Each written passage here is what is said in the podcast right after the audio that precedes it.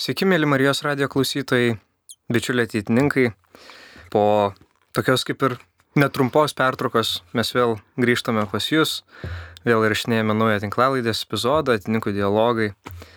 Ir iš tikrųjų šiandien kaip ir tokia neįlinė diena, nes mes šiandien svečiuose turim moksleivę, moksleivę visų pirma, merginą, pirmoji mūsų tinklalaidai, bent jau šio sezono, šios kartos. Laura Katkauskaitė. Sveiki, mėlyjeji. Iš tikrųjų labai smagu turėti tave čia, paskyrį laiko atvažiuoti iš Vilniaus, mes neturėjom ir biškių keblumų, kad tave čia jo. atsigabent. Jo. tai, bet vis tiek pagaliau turim čia. Koks jausmas? Vat, nes kiek kalbėjom, tai neturi tokios patirties labai, kad vat, pasakotis prieš mikrofoną. Jo, aš šiaip mėgstu kalbėti daug, bet jaudinos baisiai, bet visai fainai, man faina čia būti. Ėjom Kaunu, vis tiek kalbėjom, kad ir čia, žinai, gal nepažįstam vienas kito miesto taip gerai, ar gal net geriau negu svetima. Bet kažkaip, vat, daug kartais atininkose būna tokio, tokios diskusijos. Vat, kas geriau, ten, kas, kur, kuris miestas ten geresnis, nežinau. Kaip tu žiūri iš šitus dalykus? Kai vis tiek nesudalyvauju toj diskusijai gal kažkiek. Jo, aišku, susilaukia ten Vilnius Kaunas ir panašiai, bet aš tai manau, kad, nežinau, kiekvienas yra savotiškas, toks skirtingas ir nereikia čia, žinai, kažkaip kelt kažkokių tais, nežinau, laimėjimų priskirinėti, žodžiu. Jo. O vad kaip pačiai, nes vad gal tada užšoksim iš karto į vieną klausimą, vis tiek ir per gyvenimo, kurį šnekėjai akademijoje, čia Pumpenuose, tiek kartais ir pamini, kad išvyks į Austriją studijuoti, tavo yra toks tikslas svajonė. Yes. tai gal kažką apie tai, nes paminėjai, bet buvo mažai laiko ir kažkaip ne, neišsplėtoji. Tai vat, būtų įdomu sužinoti, kaip čia tai toks priejo sprendimas, nes dabar mes vis tiek ir turim tą ir emigrantų krizę, ir kad čia mhm. jaunimas išvažiuoja, ir kad nesirenka studijuoti Lietuvoje, kai gal kartais yra galimybės. Tai kaip pasirinkai? Jo, su Austrija šiaip labai čia taip greitai gavos viskas, kad uh, Pernai metais gavau pasiūlymą mėnesį išvažiuoti į Austriją pas e, tėvų draugus, padirbti auklę. Ir aš jau žinojau, kad ten dainavimas yra labai aukštos klasės. Ir kadangi aš dainuoju ir siekiu to, tai kažkaip pagalvojau, kad, nu, wow, ten tikrai yra kultūros toks, muzika ten tikrai didelė kultūros dalis. Tai pagalvojau, kad kodėl ne, važiuoju. Ir nuvažiavau ir buvau ten mėnesį. Ir e, labai keistas dalykas, nes visą tą mėnesį net nesijaučiau kaip turistė Austrijoje. Ir, ir labai, nežinau, geras jausmas buvo, atrodo, kad, atrodė, kad esu savo vietoj. Nors, nu šiaip keista, nes tikrai aš labai myliu Lietuvą ir Lietuvoje mano specialybės, kokios aš siekiu, gal nelabai ne yra galimybių atsiskleisti. Tai taip ir gavos, kad tą Austriją kažkaip e, įsimylėjau tiesiog ir man trūksta kalnų, visą laiką norisi kalnų. Vienu žodžiu, jautiesi namie ten. Jo, visai kažkaip. taip, visai taip. O neturiu kokių ten germaniškų šaknų kažkaip, gal čia kažkoks yra kraujyje dalykas. Ne, kiek aiškinau su tėvais, tai ne. Ir kalbą mokinaisi. E, Mokiniesi. Minėjai per gyvenimą, kaip sekasi. Vokiečių kalba tokia nėra lengva, tikrai. Ten nėra logikos, ten tiesiog reikia iškalt dalykus bet uh, mane jinai žavi ir šiaip keista, nes e, daugumai, kaip paskau, man vokiečių kalba graži, labai stebisi aplinkiniai, nes vokiečių kalba jinai tokia kieta yra. Šiaip tokia, jo, nelabai graži, gal ten visokių še, čia daug ir panašiai, bet uh, nu, man gražu, man patinka, nors sunku, bet vis tiek mokinuosi, nes nu, noriu, noriu išmokti, noriu kalbėti. Neužteks matyti tik tai halio, vigėtis, ne, tokių dalykų. ne, ne, ne. O kaip yra su, pavyzdžiui, požiūrį, nes vat, paminėjau, kad gal kartais yra ir toks neigiamas dalykas, kad vat, pasakai, kad išvažiuosi, bet tu negalvoji migruoti jau pilnai, ar kaip? Ne, aš visą laiką turėjau tokį planą, kad išvažiuoti, pasimokyt ir tada grįžti į Lietuvą ir, ir bandyti tas idėjas atsivežtas kažkaip gal išpildyti čia Lietuvoje. Grįžtu tada prie klausimo. Nėra, kad vat, jeigu pasakai, kad išvažiuosi studijuoti ten iš artimųjų arba šiaip iš kokių žmonių, kad sulauki tokių komentarų, kad čia vat, ir čia tą patį gali daryti, kam į tą Austriją taip toli ir čia vat, išvaistysi laiko ir pinigų. Mm. Ten po to gal kokį vyrą susirasi, dar ką nors. Jo, čia buvo toks dalykas. Mano šeima, pažiūrėjau, mane tai labai palaiko. Mano mama, mano tėtis sako, važiuok, važiuok, tu nori, reikia važiuok, fainai. Ir, ir tiesiog jo palaiko kas keista, draugai, va draugai, jie sako, kam tau važiuoti ten tą Austriją, Lietuvoje, čia gali studijuoti tą patį, tu ten Austrijoje, kartais net būna tokių neigiamų, kad, nu, tu Austrijoje ten neprasilauši, tavęs ten niekas nepažįsta, tu nieko nepažįsti ir panašiai. Turėjau pokalbį tokį dėl vyro, nes aš, nu, noriu turėti šeimą ir, ir turėjau pokalbį su klieriku, mes kažkaip diskutavom ir kažkaip, va, minėjau, kad irgi noriu važiuoti į Austriją, studijuoti ten ir panašiai. Da, nežinojau dar dėl gyvenimo, ar noriu gyventi ar ne. Ir, ir vat, kalbėjau, kad dėl to vyro, kad turiu nuspręsti, kaip ar aš rasiu ten nu savo žmogų, nes, pažiūrėjau, Lietuvoje yra ateitininkai, yra ir, ir tokie gal labiau savi žmonės, bet um, Austrijai vis tiek kitokios, gal šiek tiek vertybės. Tai sakė, apgalvok, kaip tu nori va, tą šeimą kurti, kokią tu ją nori matyti, kokias vertybės nori, kad ją suptų. Tai va, tai šitas dalykas sukėlė tokią viški chaosą mintyse, bet, nu, dar toli, greičiausiai kito. Nes, nu, va dabar paminėjai, kad apsisprendai gan anksti. Nu, greitai ir va, dabar esi 11 klasiai dar. Mhm iš aplinkui, bet, pavyzdžiui, su kuriais mokaisi, su kuriais draugauju žmonėm, nes, pavyzdžiui, kai kurie dar net jau baigia mokyklą ir dar net nežino, ką veiksiu Lietuvoje, o tu jau tokį didelį žingsnį žengėjai ir pasakai, kad vat, išvažiuosiu į užsienį studijuoti, jau žinau, ką darysiu, jau ruošiuosi tam aktyviai. Nėra ir aplinkinėje aplinkoje, kad va tai va stipriai apsisprendė. Mm, šiaip nėra, bet jo, keista, keista. Nėra manim stebėsi žmonės, kaip, kai tu jau 11 klasiai, šiaip aš jau pradėjau svajoti 10 klasiai, bet 11 pradėjau imtis veiksmų. Tai stebėsi žmonės, draugai, kad aš jau vat, noriu, jau žinau, ko aš noriu savo gyvenime. Jo. Nemanai, kad pasikeistas požiūris, kažkas gali vykti ir tiesiog viskas sugrius? Aš manau, kad aišku, kad gali atsitikti. Čia aišku, kad gali, tikrai. Bet e, aš kažkaip tų, tokių pasikeitimų nebijau. Kažkaip galvoju, nu, vat kaip bus, tai bus. Vis tiek e, kažkur e, nuves Dievas. vis tiek paminėjai atitinkus savo žmonės, vis tiek jau abu esam ir mūsų klauso. Kaip bet atsiradai? Nes kiekvieno žmogaus klausiu, nesvarbu, ja. jaunas, senas. Aišku, čia netiek daug ir jų buvo, dar kol kas šitoj tinklalaidai. Visada paklausiu, kaip atsiradai. Nes ko tik paklausiu, visų istorija skirtinga. Mhm. Atsirado skirtingų amžium, skirtingų laikų, su skirtingom aplinkybėm. Tai vat, man visada yra, ir turbūt kas klauso, labai mhm. įdomu sužinoti, vat, iš kur mes susirenkam, iš kur atsirandam. Ne, čia visiškai atsiradimas atitinkose, tai yra Dievo vykimas visiškai.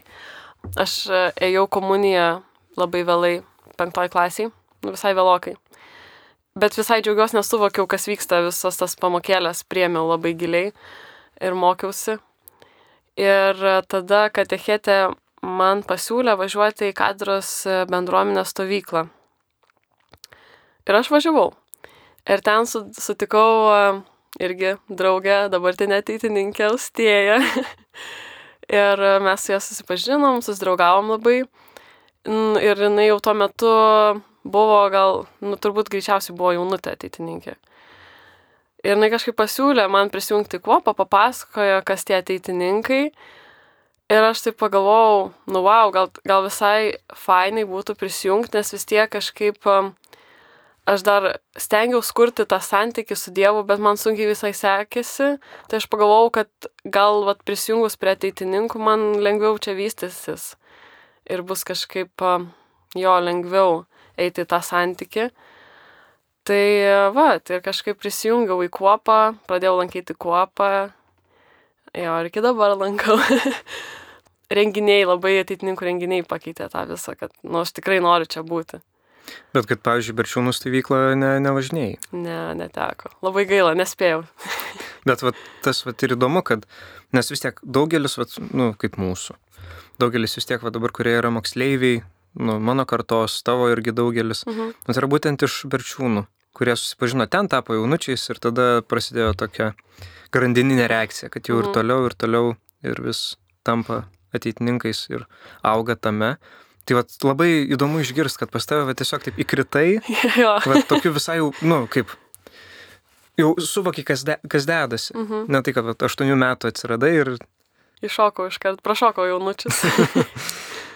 ir nepersiniausiai davy žodį taip, vasaros akademijoje. taip. Jo. Tai koks tas jausmas buvo? Kiek tu prieš įžodį, kiek buvai laiko? Oi, kokius tris metus. Mm.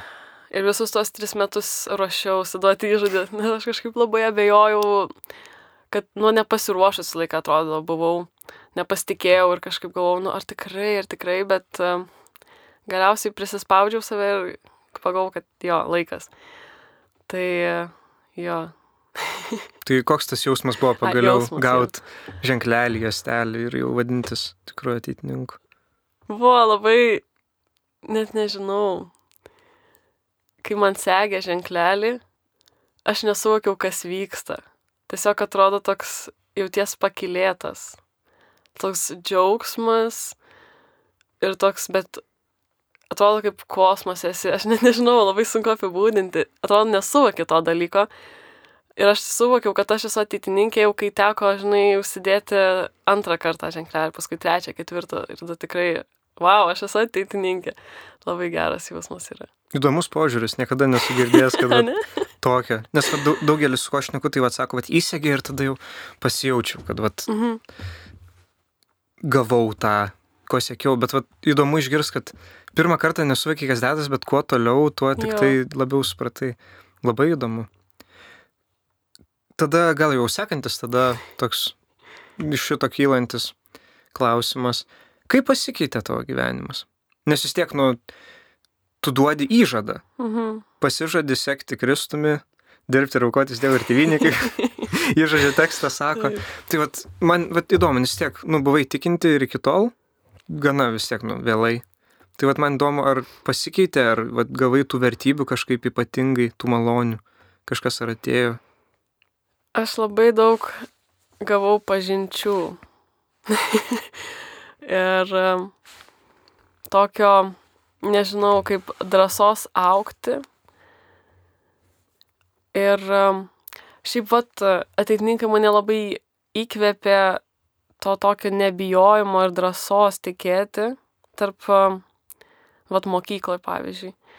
Nežinau, aš tapau ateitininkė, supratau, kad nu viskas, čia nėra dėl ko bijoti, viskas, jau reikia, reikia daryti, reikia rodytis, reikia nešti žinę. Nežinau, sakau, gavau pažinčių ir, ir drąsos O apie mokyklą tada pašnekėkim. mokyklą. Mes vat su Linu šnekėjom su Vyčiu. Aš kai vienintelis buvau moksleivis tuose pokalbėse, tai kažkaip ir buvo tik tai mano vieno požiūris. Bet vat, kai jau pagaliau turi moksleivį, Mhm. e, studijoje, tai vat, įdomu išgirsti tą kitą pusę. Vat kaip pas kai kuriuos vyksta su tais tikėjimo reikalais ir moksleiviais. Mhm. Nes vat su Linu labai e, šnekėjom būtent tą vat bendrystės, e, draugavimo esmę, su Vyčiu tą drąsos tikėti, rodytis tikėjime, kodėl tiek mažai tiki. Kaip tau atrodo, vat, iš tavo aplinkos, ką matai, ką girdi kasdieną, yra daug tikinčių pas tave bendramžių moksleivių? Jeigu mokyklos ribose, ne? Yra keletas, bet ir tai dar tokių, yra labai daug dvėjojančių. Jie sako, aš, vat, aš galvoju, kad jie tiesiog bijo galbūt pasakyti, kad jie tiki. Arba jie tai gal nu, nesuvokia, nu, vat kažkaip net sunku paaiškinti, bet e, šiaip Nežino, kad tiki. Jo, jie va, gal nežino, kad jie yra pašaukti. Tokių va drąsiai išpažįstančių, tai tikrai nėra daug. Nu, yra, šiaip labai keista, pas mus mokykloje daug yra protestantų, katalikų mažiau. Ir tu tallat kelpšos Jo. gimnazijoje. Jo. Konservatorija. Konservatorija, atsiprašau. jo. Rimtas statusas jau labai. Bet man įdomu ta kita pusė, nes at paminėjai, kad daug kas nežino. jo. Ir va tas keista, nes kai kurie būna, kad labai apsisprendę Mhm. kad vat, nėra panašiai ir tada kai kurie, arba, nu, vat, kaip aš visada sakau, kad jie tiesiog jiem nerūpi, kad jie ne tik, kad nežino, ar žino, kad jie netiki, ar žino, kad tiki, bet jiem tiesiog neįdomu aiškintis. Mhm. Tai vat, reiškia, mūsų darbas dabar yra pagrindinis išaiškinti žmonėm. jo. Oi, man tai labai tenka daug e, veltis į diskusijas. Bet tokias piktas ar tokias šiaip pokalbis? Būna visokių. Šiaip dažnai, dažnai tenka ir tose piktose diskusijose būti.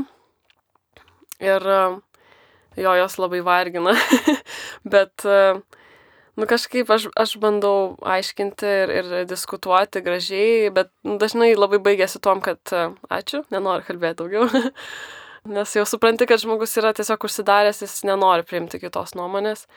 Bet būna dažnai ir gražių diskusijų, kur kur tiesiog diskutuoji ir, ir supranti, kad žmogus gal netrokšta pamatyti, o tada prasideda dažnai kvietimai visokie. Ir yra tekę, jo, man visai yra pavykę. Pavyko atversti. At, nu, ne, nes, ne, nesakyčiau drąsiai tai atvers, bet um, pavyko bent jau į bažnyčią prikviesti, ateit, pabandyti. Nu jau didelis žingsnis. Jo, čia, jo. O pačios neapima abejonė ar nerimas koks, kad vat, pamesti tikėjimą. Arba kad taip visi sako tokius kaip ir įtikinančius, tokius argumentus. Ir tiesiog tok, tokia baime apima, kad blema gal jie teisūs, kad gal čia iš tikrųjų nieko nėra. Nėra, nes tas, nu, toks mhm. gaujos gaunasi mentalitetas, kad tave užspaudžia ir tu nebeturi kur trauktis, nebūna? Aš manau, kad kiekvienas katalikas, krikščionis patiria tą, kad, nu kaip čia taip, gal, gal man nereikia, gal aš būčiau kietesnė, vat, prisijungus prie vat, šitų žmonių ir daryti taip, kaip jie daro, bet, e, bet aš tai kaip tik manau, kad mes esam kieti, prie mūsų reikia jungtis. Nes vad klausiu, nes vad būtent tam moksleiviškam amžiui, mhm. nes tu vis tiek nori pritapti, nori draugų jo. ir kažkas tokio, vad, vad ta, tas man ir kyla klausimas, ar, ar nesinori paukot tos tiesos, kad vad, trupu, bent jau truputėlį prisartint prie, prie, to, prie tų kietesnių, kuriem, kurie kartais taip atrodo. Ne, nėra buvę tokio, tokios minties. Ne, aš kažkaip labai, labai kažkaip stipri esu ties, ties savo požiūriu ir, ir taip kažkaip tvirtai stoviu tikėjimo keli.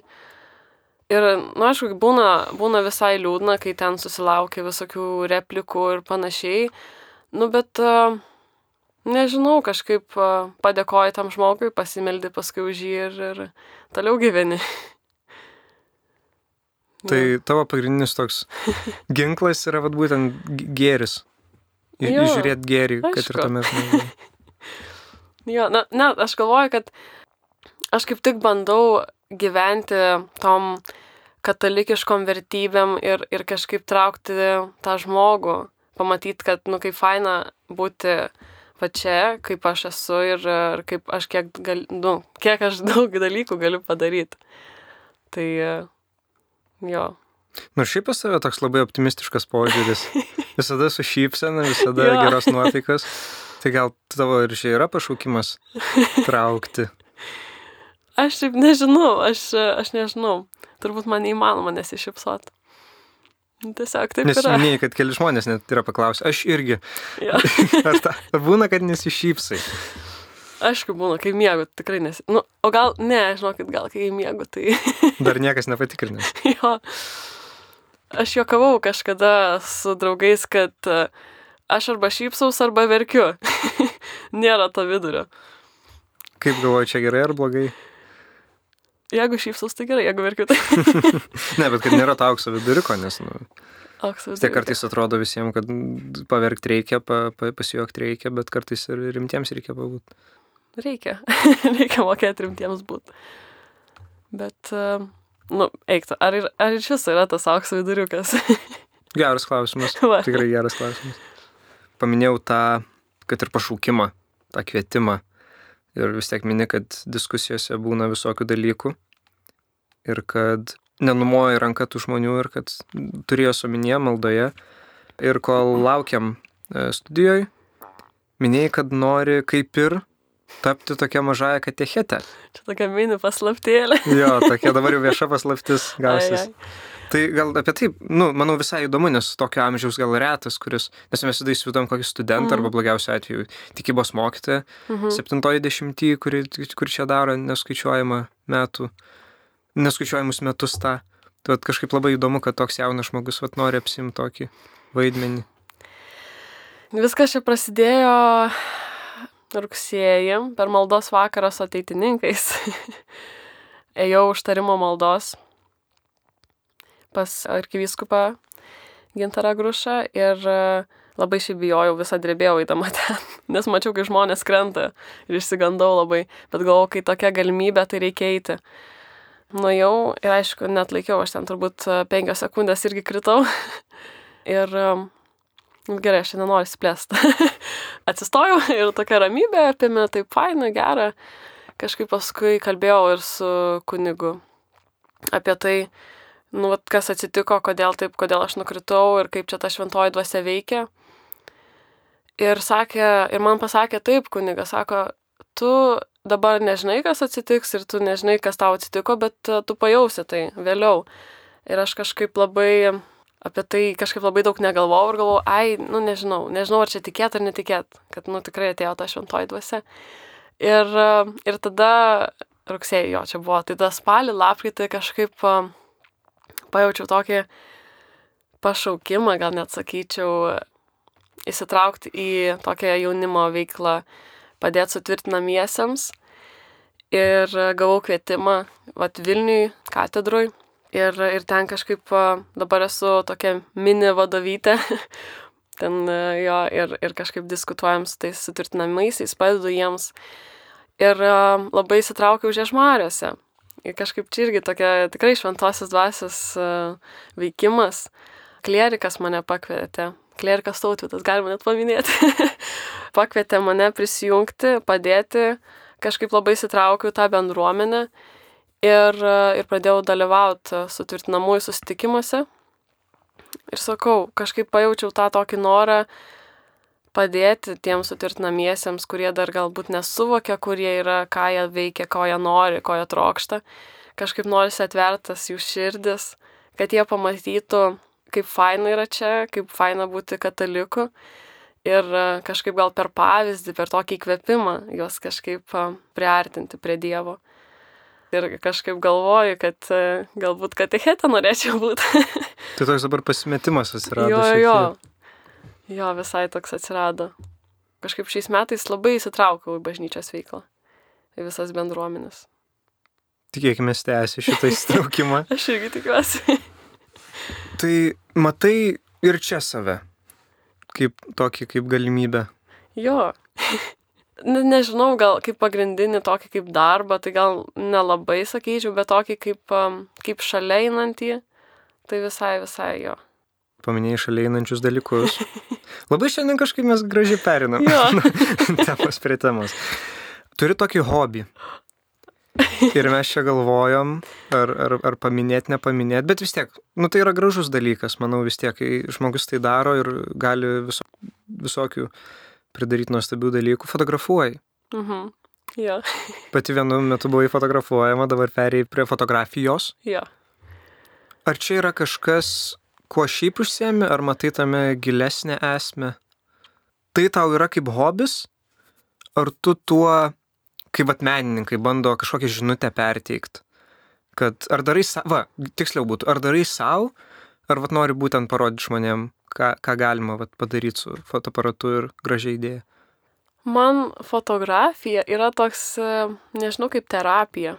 Aš kaip pasiemu fotoaparatą į rankas, aš tiesiog atrodo atsijungiu nuo išorinio pasaulio ir būnu, būnu aš ir fotoaparatas ir kažkoks vaizdas, kompozicija. Bet kaip tik aš tada per anglų pamoką čia turėjau pristatymą ir kalbėjau apie fotografiją ir, ir ten sakiau, kad aš noriu kurti tokį kaip keistą galbūt tokį meną, kad žmogus iš tos mano fotografijos pats susikurtų istoriją, kad ne aš ją rašyčiau, aš noriu, kad žmonės iš, iš, rašytų patys tą istoriją iš, iš visų tų nuotraukų.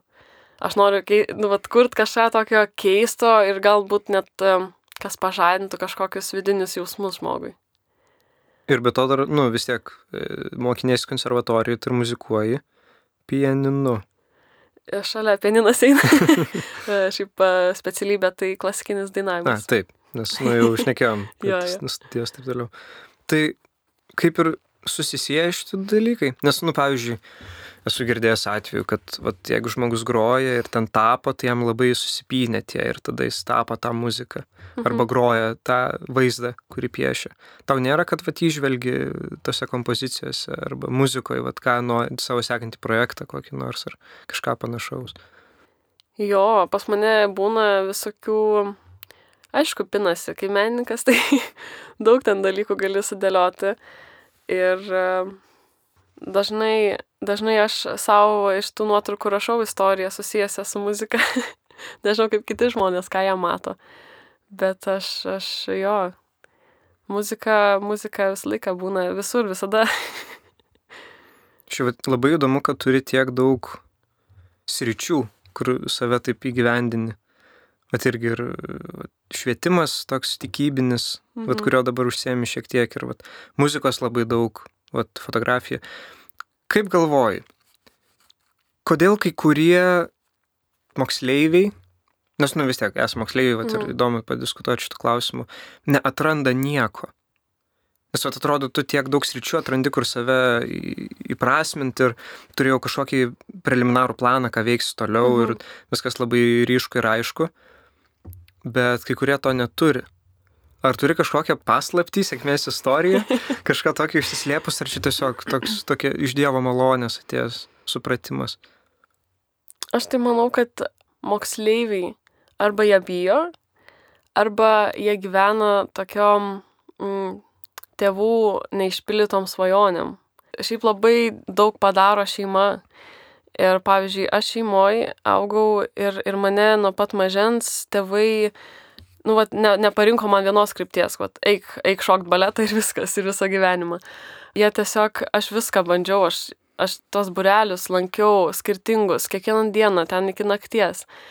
Ir ieškojau savęs, man tėvai tą leido. Ir aš ir sportavau, ir kelias sporto šakas išbandžiau, ir paskui dainavau ten ne klasiko, o popsą, tada klasika, tada grojau gitarą ir tada dar kankliam grojau. jo, nu visokių sričių išbandžiau, ieškojau, ieškojau, kol galiausiai, vad, kai bręsti, kažkaip gal ateina tas suvokimas, nu, vad, išsirenki dalykus. Ir e, ką nori veikti, kažkaip e, savaime ateina. Nežinau, va tokia mano paslaptėlė, kad tiesiog turėjau galimybės ieškoti savęs, bandyti nuo pat mažens. Daug sričių. Tiesiog, nu, reikia drąsos tam, bet aš manau, kad labai naudinga. Bandyti ir, ir nuklysti, ir, ir nepatinka bandyti tada kažką kitą. Ir čia didelis turbūt šeimos indėlis, kad va tave palaiko. Ir... Jo, tai tiesa, tiesa. O kaip galvoji, jeigu nebūtų tokių buvę sąlygų, skaitykim, kad va tėvai Mhm. būtų sakę, va tu dabar šoksi baletą Mhm. ir viskas. Ar, kaip galvoji, būtų kažkaip pasikeitę tavo dabar požiūris, ar vis tiek kažkaip būtų išsirutulioję, kad va, Hmm. ne, vat, žinau savo kelią ir tai bus kaip. Net nebus taip, kaip jūs sakote. Nu va, tai va čia ir yra visai įdomu pagalvoti apie tai, nes jeigu, nu va, žiūrint kokios aplinkybės, jeigu aš būčiau, jeigu mano tėvai būtų labai griežti ir nieko neleistų daugiau daryti, tik šokti baletą, tai greičiausiai aš nu, neturėčiau galimybę pažinti kitų dalykų. Jo, va, įdomu šitas. Nežinau, aš, aš vis tiek greičiausiai vis tiek ieškočiau savęs slaptai. nu, aš esu toks žmogus. Aš mėgstu daug dalykų veikti, man reikia veiklos. Tai va vis tiek užsiminėm apie šeimą. Ir toks įdomus dalykas, negyveni su šeima. Kad ir kiek daug jinai tau davė, kad ir kokie, kokie jie faini ir kaip Jo. smagu, gyveni vis tiek viena. Kaip taip gavosi? Čia tavo noras buvo, Oi, aš labai nenorėjau šito. Taip gavosi, kad devintoj klasiai, nu, baigus aštuonias, pro gimnaziją baigiau ir stojau tada į gimnaziją, nu, tai į konservatoriją šiuo atveju. Ir, e, ir ten šiaip yra, konservatorija turi baraką, bendrabutį. Atsiprašau, žodžius toks. Bendrabutį turi. Ir, e, ir atsirado man galimybė ten gyventi, bet aš labai buvau prieš. O taip atsitiko dėl to, kad mano tėvai turi dabar kaimo turizmo sodybą prie Žežmarių ir, ir kažkaip jie norėjo jau ten visam, su visam persikelti ir, ir dirbti ties tuo. Ir, ir man nu, neliko kito pasirinkimo, arba važiuoti su jais ten kartu ir nu, ten mokytis paprastoj mokykloje, arba vat, likti su muzika Vilniui ir aš pasirinkau aišku muziką. Tai nuo 15 metų man teko gyventi savarankiškai, pradėtą gyvenimą. Nu, šiaip gyvenu su sesė. Mes kartu gyvenam. Savo reikalais dirba, aš savo, mes retai matomės šiaip. Taip jau atsitinka. Bet, bet kažkaip tas savarankiškumas nuo 15 metų prasidėjo. Ir šiaip džiaugiuosi, kad mano šeimoje labai yra atviri tokie santykiai. Mes labai pasitikim vienas kitu ir ir džiaugiuosi, kad man, nu, manim tėvai pasitikė ir man tikrai daug dalykų leidžia. Ir, ir tas, kad gyvenimas savarankiškai, kad turiu rūpintis ir pati gamintis maistą, aišku, man buvo didelis šokas, kai aš supratau, kad nu, tikrai dabar turėsiu pati rūpintis, man nieks maisto negamins, man e, lauknešėlio į mokyklą nieks nedės. Buvo sunku labai iš pradžių ir, ir aš šiaip esu labai prieraišus žmogus e, prie savo tėvų, nu aš visiškai tokia mamičiukas. ir man buvo tikrai sunku ir ten būdavo ir, ir liūdnų momentų, kur e, sakydavau, nu viskas, grįžkit į Vilnių pas mane, bet e, kažkaip išgyvenau. Ir, ir, ir dabar visai fainai, nes supratau, kad tas toks gal atstumas visai ir suartino mus dar labiau, pagerino santykius. Pataisyk, jeigu klysiu, tai visai manai, kad davė naudos toks nuo ankstyvo vat, visai amžiaus toks atskirimas šiek tiek. Jo, aš kažkaip labai, kas yra geras dalykas, aš išmokau už save priimti sprendimus. Ir, ir vat, eiti, eiti savo keliu, kokiu noriu. Ir kažkaip, aš atsimenu labai gerai, man mama yra pasakiusi, kad um, man jį pasakė, kad, uh, vat, Laura, nu, tai yra tavo gyvenimas kaip tu nori, taip tu jį kurkis, nes, nu, ne aš gyvensiu jį. Tai kaip tau jis atrodo, taip tu ir kurkis. Ir tada toks atėjo suvokimas, kad, oho, nu tikrai, nu aš turiu šitą gyventi ir, ir tada kažkaip atsirado ta tokia atsakomybė už save. Ir jo, ir tada supranti, kad jo, reikia kurti tą gyvenimą kažkokį fainą, gražų savo. Šiaip visai įdomus požiūris, nes nu, vat, šių laikų tokia gal ir problema, tokia irgi viena iš jų, kad labai daug žmonių gyvena iki paskutinės minutės su tėvais ir kad ten tik tai 23 išsikelia ar kažkas tokio. Aišku, tai irgi nėra blogai, jo. jeigu žmogui mhm. sunku ar kažką, bet vis tiek jau tikimės, kad po 18 žmogus jau taps kažkiek savarankiškas. ir vat, labai įdomu išgirs tokį požiūrį. Pas tavai viskas labai įdomu kažkaip. Labai įdomus gyvenimas. kad va toks atvejis, kad tiesiog atėjo momentas, kada labai anksti atitrukai. Mhm. Ir labai mažai tokių atvejų. Iš tiesų, nebent pats žmogus turi galimybę ir pats pasitraukia. Mhm. Bet vat tikrai įdomu.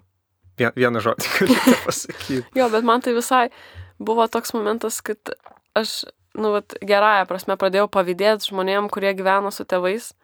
Nežinau, man būdavo jokinga, kai jiems skambina, e, mano draugams skambina tėvai ir sako, kur tu bastais, kur tu čia esi, nes man kažkaip visą laiką, kadangi aš jau gyvenau pati, jo, aš pasakydavau ten, vat, einu į miestą tėvams, bet uh, jie kažkaip, nu, vat, žinodavo, kad, nu, aš susitvarkysiu pati, kad aš grįšiu namo, kad aš e, laiku ten nueisiu miegoti ir panašiai, nu, jie kažkaip Mano tėvai manęs nekontroliavo ir jie man viską leido. Gal dėl to atsirado tokia mano gyvenimo tokia laisvė.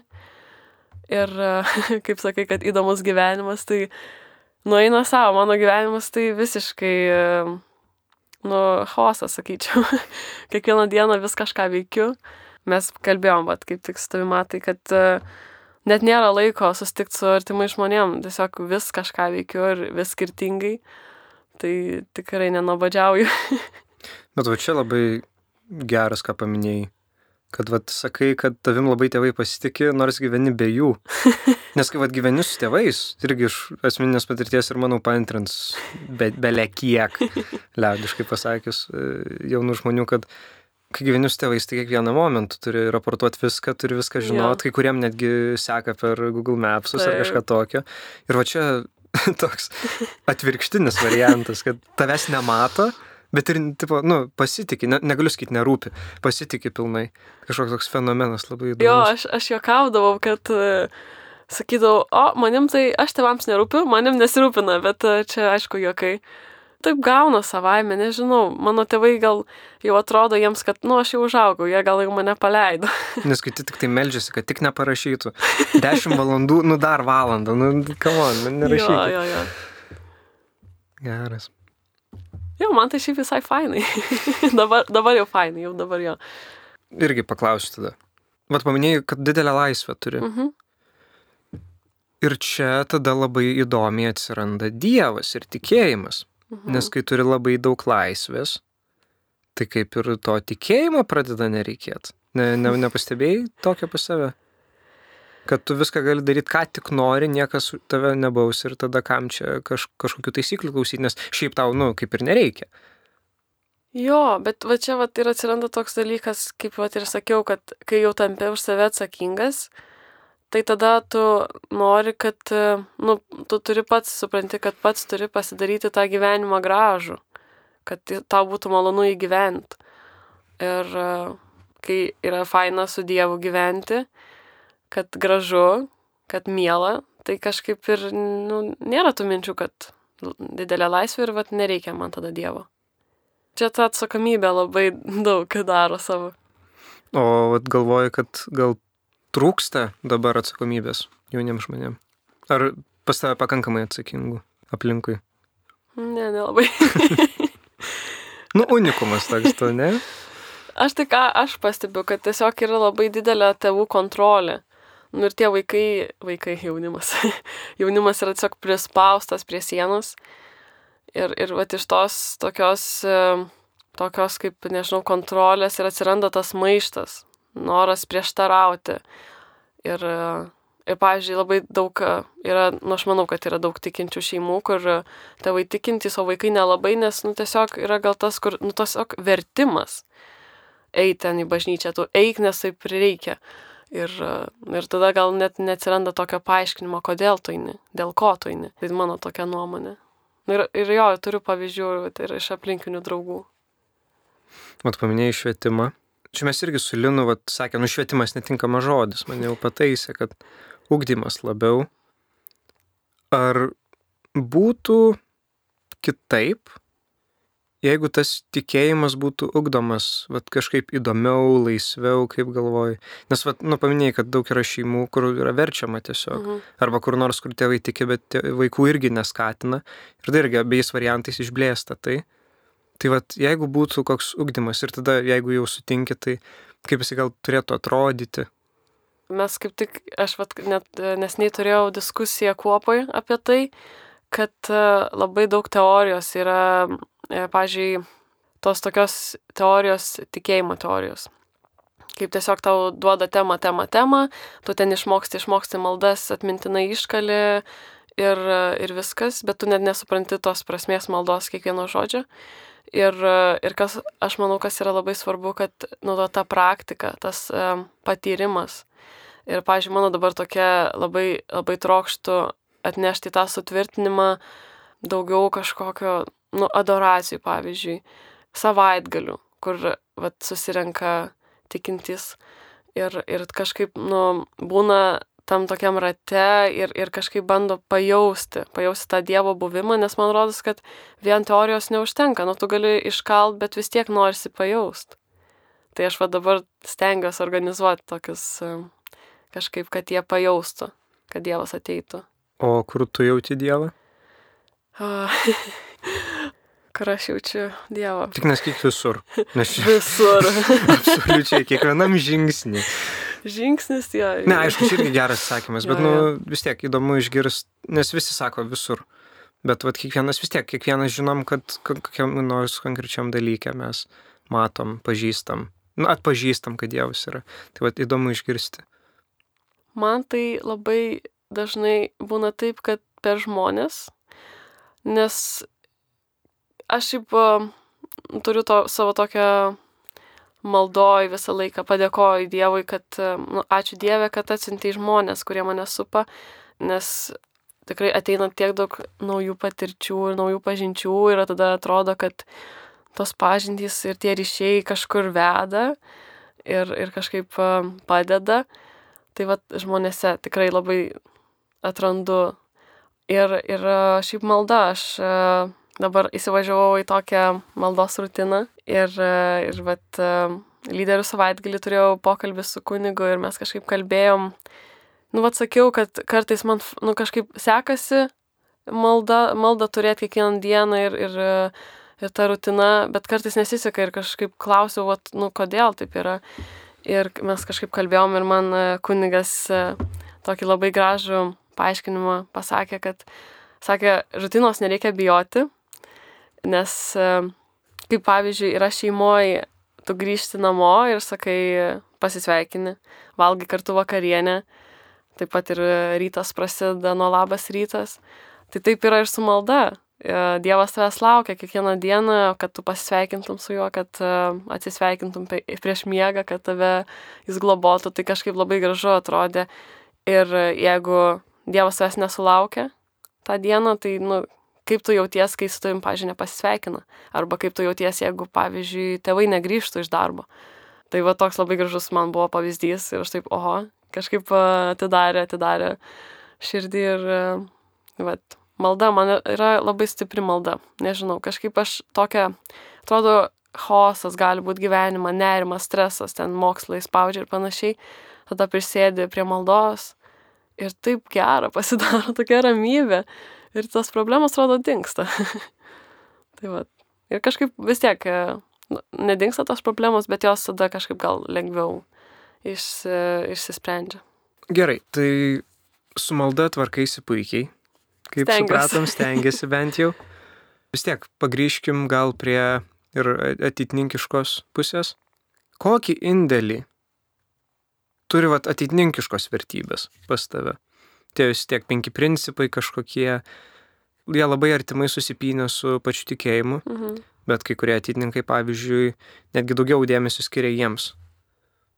Tai vat man įdomu, vis tiek, žmogus su įžodžiu, kažkiek ir turi vadovautis tuo, ką prisižadėjo ir išpažino. Tas tautiškumo aspektas gal kažkaip atsiranda šeiminiškumo. Nu, šeiminiškumo jau supratom, kad viskas tarp. ja. E, bet va, tos kitos vertybės, kaip su jom.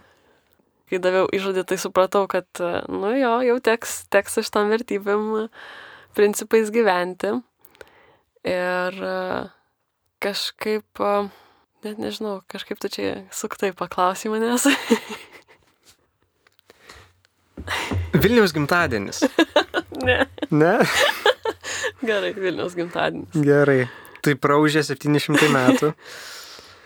Minėjai kažkaip asmeniškai, ar dalyvavai miesto šventį? Man labai gėda apie tai kalbėti dėl to, kad per Vilniaus gimtadienį aš buvau Austrijoje. nu tai va, kur tavo visi prioritetai. Va, va, va, jo. Bet šiaip sveikinau Vilnių, dėjau į socialinius tinklus, kad jo, esu dėkinga šiaip Vilniui, kad jis dovanoja. Dovanoja žmonės, dovanoja aplinką ir tą visą kultūrą. Jo, kažkaip, nežinau, bet kalbant apie miestus, vat jeigu, vat, vat, išsirituliuojant, bėgant nuo šito klausimo, tai aš labiau save atrandu mažose miesteliuose. Man Vilnius yra fainai dėl, dėl mokymosi galimybių, bet kažkaip pati save labiau išpildau mažose miesteliuose. Nu, pavyzdžiui, va, Džežmariai, kur atradau visiškai save. Ir kad galiu ten išpildyti savo idėjas. Nes kažkaip dideliuose miestuose, nu, kažkaip sunku. Gal dėl to, kad daug žmonių yra, tos idėjos jau gal yra žinomos, jas sunku labiau vat, kažkaip išpildyti. Vat, o mažose miesteliuose, tai jeigu žmogus turi idėjų, tai prašau, ten greit priema. Nes vat įdomu, kad vis tiek dabar irgi yra dalykas, kad urbanizacija labai didelė. Mhm. Pas mus yra, kad labai daug iš kaimų, miestelių keliasi į didmešius mhm. ir iš tų pačių didmešių į kitus didmešius. Ir vat labai keista, kad dar galima atrasti save vat, tose bendruomenėse kitose negu didžiulėse. Nes va, vis tiek daugelis tampa studentais, išsikelia į didesnį miestą. Mhm. Tai va labai smagu, kad žiūri taip. mano draugai, kurie už Vilniaus gyvena, tai kaip tik jie labai trokšta į Vilnių ir man taip keista ir aš su jais kalbu ir sakau, nu kaip jūs galite norėti Vilnių? Nu, kodėl? kodėl jūs norite tos didmieščius? Man kažkaip atrodo, nu kad tik faina. Bet, nu, gal čia toks yra dalykas, kai esi didmėsi, norisi kažkur į kaimą, o kai esi kaime, norisi į didmėstį. Čia gal jau taip. Mes jūsų šeima irgi palėtėm šitą klausimą, kad Jo, jo, jo. kai gyveni vienas nori šeimos, kai gyveni šeima nori būti vienas. Jo, tai čia tas pas ir su miestais turbūt. Taip. Bet vat, man atrodo, ką pastebim, kad jauno žmogus gyvenime daug sumaišties Aha. dabar.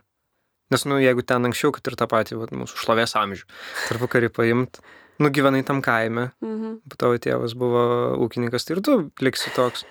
Jeigu ten buvo kažkoks inteligen, inteligentas, tai ir tu liksi tokį. Ir dabar, Mhm.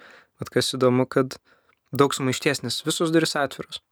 Tik tai reikia pasirinkti, į kurias įeit. Jau. Ir neišeina niekaip. Mhm. Dar gal pašnekėkime apie moksleivius. Mhm. Vat kaip tau atrodo? Vis tiek ir tose atitinkose turim problemą, kad kuo vyresnis auga, tuo labiau atbyra, tuo labiau sumažėja to skaičiaus mūsų moksleivių mhm. ir kad jie pasitraukia, kad jiems čia per sunku arba nebeturi laiko. Ar moksleiviai negali atsirinkti kažkokių, nu bet čia mes prie to pačio grįžtam turbūt, prioritetų, vertybių, kas vat yra. Paimkim konkrečiai atininkus, kad vat mes pametam kad mes sakom, kad čia žiauriai fainai, čia žiauriai gerai viskas, mes čia tiek išmokstam, tas tikėjimas, wow, super, mes čia augam, bet tada praeina laikas ir tada matai vieną žmogų, nebematai kito. Mhm. Kaip galvoji, kaip čia taip gaunasi? Geras klausimas, kas moksleivių galvose dedasi. Gal dėl to, kad važiuoja, žinai, studijuoti kažkur, jeigu atei užsienį, ypač, žinai, tada, nu, pradingsta tos galimybės palaikyti gal tą ryšį. Bet čia priklauso nuo žmogaus. Jeigu jis nori palaikyti tą ryšį, tai tikrai palaikys. Gal, gal net aplinka daug daro įtakos. Kai tu esi jaunas, tu dar esi toks esi toks gal net truputį stumdomas. Tave lengviau pastumti ir, ta, ir, ir kažkaip ta nuomonė gal kažkaip kitaip formuojasi ir, ir nu, bet tada žmonės pradeda manyti, kad, nu, nereikia, nereikalingi gal ateitininkai jiems gyvenime. O kaip tada galvoji tai apeit, kad vat stovėti tvirtai ir kad tavęs niekas nepastums? Kiekvienam savas atsakymas. Jo, turbūt. kiekvienam savo atsakymas, bet tiesiog, ai, man čia visur šiandien ta drąsa lenda. tiesiog, nežinau, nu, atrodo, kad tiesiog reikia pasitikėti savim. Nu, tiesiog pasitikėti. Ir dievų. Ir Dievu. Taip. Ne, aš į pirmą pasitikėti Dievu ir tada savim. Nes vat, kodėl užklausiu tokio? Nes atrodo, mes teidininkas vis tiek į pirmą vietą statom vat, būtent tikėjimą. Mhm. Ir kad atrodo, vat, mokyklose mes to, nu, už tai gal net esam kažkiek engiami, to negaunam, nuo to tolstam. Ir tada mes čia tai gaunam. Ir tada vis tiek galų gale, gal net kažkiek pasiduodam. Na, nu, aišku, negaliu kaltinti žmonių, kad jie išeina, nes visi turi atskiras priežastis, Mhm. va irgi pa, išvažiuoja kur nors, ar netaip susideda, bet turim tokį gėrį čia, atrodo. Ir vis tiek, va, kai kurie apleidžia. Tai gal, žinai, kaip yra, vat, kai mes iškeliam tikėjimą labai, tai tada atsiranda toks um, besąlygiškas um, pasitikėjimas Dievu ir galvoji, kad, nu, Dievo valia. Žinai, su Dievu. Ir tada kažkaip um, įsikeli tuos tikslus, svajonės ir galvoji, kad Dievas viską padarys. Bet, uh, nu, Dievas nepadarys be tavo pastangų, tu turi stengtis. Ir galbūt tada, kai vat uh, nesistengi, nepavyksta, nu ir tada galvoji, nu tai Dieve, tai kur tu dabar esi? Kodėl nepadarai taip, kaip aš norėjau? Tai gal atsiranda tų abejonių va tokių. Iš nežinojimo apgautas žmogus. Nu, vat, jo, jauties apgautas. Minėjai, kad skaitai. Mėgstu taip. Taip, pamėgai skaityti. Tai tada kiekvieno skaitančio turbūt jau sužinai, kad skaito žmogus, tai sekantis klausimas, kokią knygą rekomenduoji? Vat moksleivis moksleiviui. Vat ką rekomenduotum perskaityti? Gerai, dabar čia taip greitai reikia, kad ateitų į galvą. Nes gal vat irgi su skaitimu dabar yra problema, aš nežinau, nu atitinkose gal netokia didelė, bet kiek sėdžiu klasiai, tai niekas neskaito knygų. Mhm. Niekas nebeskaito tiesiog knygų. Iš nu- nu- nuobodulio, arba iš to jau, kaip čia visi mokslininkai sako, kad mes dėmesio nebesugebam sutelkti. Mhm. Tai vad gal tavo rekomendacija kažkam sukirvins kažką. Jo, aš jau galiu, noriu va čia greit papasakoti dėl tų knygų, kaip man čia buvo. Penktoj klasiai, nelabai man ten buvo gerai klasiai, patekau ten biškiai atstumtoji tapau. Tai ir tada pati save vadinau knygų graužikė, e, nes būdavo skambutis ten tą pertrauką ir aš pertraukom skaitydavau knygas ir aš tiesiog, nu, labai daug perskaičiau knygų per tą penktą klasę ir paskui turbūt perdėgiau su tom knygom. Tada šeštoje klasėje neskaičiau nieko, labai nepatiko. tai toks ir gavosi. Bet šiaip e, patiko visą laiką skaityti knygas ir labai naudinga. Lietuvių rašiniai net pagerėja. Ir... Tai va, kam dabar egzaminai, kam nesiseka, graužkite knygas. Taip, per pertraukas. Ir vat, visai vėl, šiaip neseniai, nu, aš mėgstu skaityti, bet ne visą laiką prisiruošiu. Tam atrodo labai sunku pradėti. Bet kai pradedi, tada įsivažiuoji ir negali sustoti vėl. tai dabar skaitau Paul Young trobelę. Šiaip nelabai dar daug perskaičiau, bet galiu rekomenduoti jau. Rašytojas yra protestantas ir e, rašo apie savo draugo protestanto irgi istoriją, kai draugas patyrė didįjį liūdėsi gyvenime ir, e, ir va iš to visokio liūdėsio, depresijos, visokio tokio blogio galbūt, atrodo, kad nebėra Dievo. Tai kaip tik vat, šita knyga įrašo, kaip, nu, vat, kur yra Dievas, ką jis daro, kai vat, vyksta blogis. Ir vat, šita tema man kaip tik yra labai aktuali, nes labai manęs dažnai šiaip paklausia žmonės aplink, vat, jo, kad, nu, vat, Laura, atsakyk, nu, esi tikinti, nu, o tai kur Dievas, kai vyksta blogis, kai vyksta karai. Ir aš dastovu tokiais įgandus, išplėtus akis ir nežinau, ką atsakyti. Tai visai naudinga. Ir dar šiaip rekomenduoju skaityti Evangelijas. o šiaip tai, kaip kunigas Algirdas sakė, tai skaitykite Evangelijas tiek, kad paskui tiesiog eilutėm pradėtumėt spjaudytis. tai va. Tai va tokiu palinkėjimu, manau, galim ir visai baigti. Gal dar kažkaip, nu, va, palinkėjai, e, palinkėjai tokio užsidėgymo, spjaudytis šve, šventų raštų. Yeah. Bet gal šiaip, va, moksleiviam arba vyresniam gal, kurie klauso iš to savo, tos savo perspektyvos, va, gal ką matai aplinkui, gal tave kas trikdo, gal kaip tik džiaugiesi. Ko palinkėtum? Aš palinkėčiau nebijot ir labai visur save bandyti. Ir nebijot klys, nes turbūt šio laikinio žmogaus toks yra, net nežinau, įda, tarkim, bijoti ir klysti, o būtent klysti. Tai aš manau, kad per klaidas mes augam ir klaidos mus ugdo. Va, toks mano ir palinkėjimas. Nebijokite klysti. tai, o aš nepabijosiu padėkot Laurai. Taip pat Marijos radijui, kad mus priemė e, jums, bičiuliai atitininkai, kiti žmonės, kurie klausotės per kitas platformas arba Marijos radio klausytojai. Taip pat kaip kiekvieną mielą kartą be galo raginu paremti mus Contribui platformoje, nes tik sodindami gilės galime išauginti ažalus, o jūsų parama mums be galo svarbi, kad galėtume skirti šias lėšas tiek berčiūnų stovyklavitį, kur auga jauni ateitininkai, kuriame be galo didį gėrį, taip pat kitiems projektams. Tai ačiū, kurie klausėt. Dar kartą ačiū Laura. Ačiū. Čia buvo aš Matas Banzevičius, moksleivis titininkas ir sudė. Ate.